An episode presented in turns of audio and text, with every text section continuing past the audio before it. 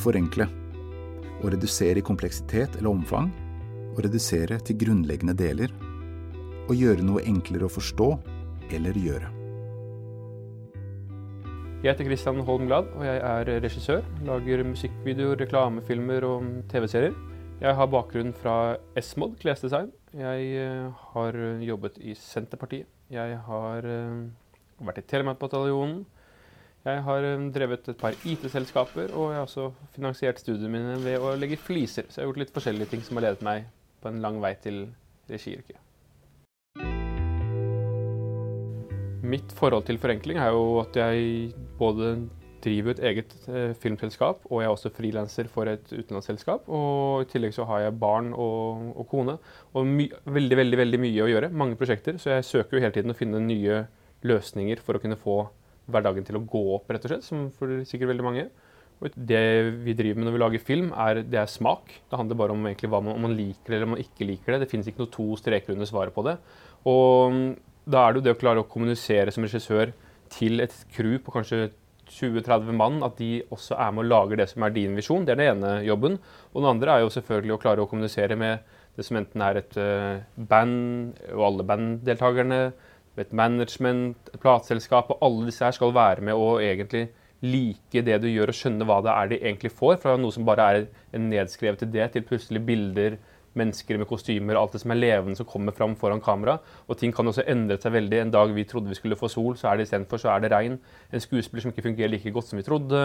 Et kamera, en teknikk som ikke virker, en lampe som slukker. Det er så mange ting som spiller inn. Og det er klart det gjør at det er kompliserte prosesser vi driver med. Sterkeste siden jeg har, er at jeg har eh, mye energi. At jeg har propell i ryggen. At jeg holder på å stå på og ikke gi meg før, jeg, før det blir sånn som jeg vil ha det. Eh, og jeg tror også jeg har en evne til å klare å få med meg folk på å gjøre det. Eh, men negative sider har jeg helt sikkert mange av. Men kanskje det mest negative er at jeg, kan slite med å prioritere hvordan jeg skal bruke tiden min og ressursene mine. At jeg lett kan bli drifta av gårde til andre mer fristende ting der og da som ikke nødvendigvis gir meg så mye i det lange løp. Og for å, for å, for å løse det så søker jeg mye å jobbe med mennesker som jeg vet at drar meg i den retningen som er dit jeg egentlig ønsker sånn objektivt sett å bruke tiden på, og som også er flinke til å, til å sørge for at jeg ikke kan miste fokus. Eh, sånn rett og slett at jeg ikke har så mye valg, egentlig. da.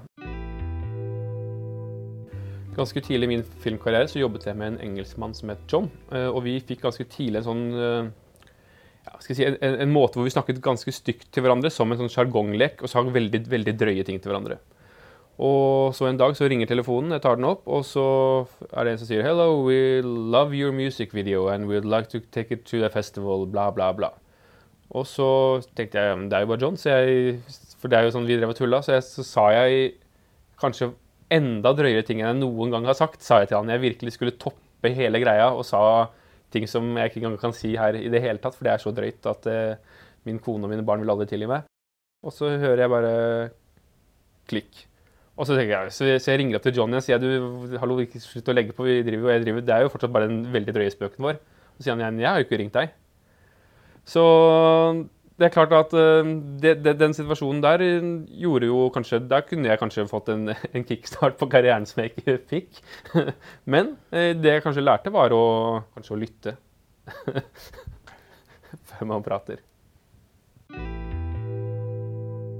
Noen nøkler som jeg har fått meg for å, for å forenkle livet mitt, det er ganske små ting, men som allikevel gjør at man frigjør ganske mye plass i hodet, rett og slett.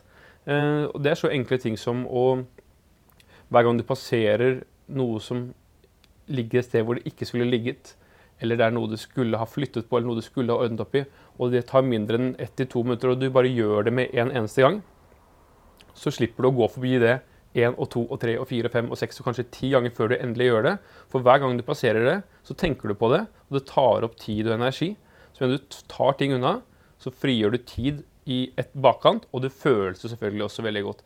Uh, en annen ting som er uh, utrolig viktig, det er at alt må ha sin plass.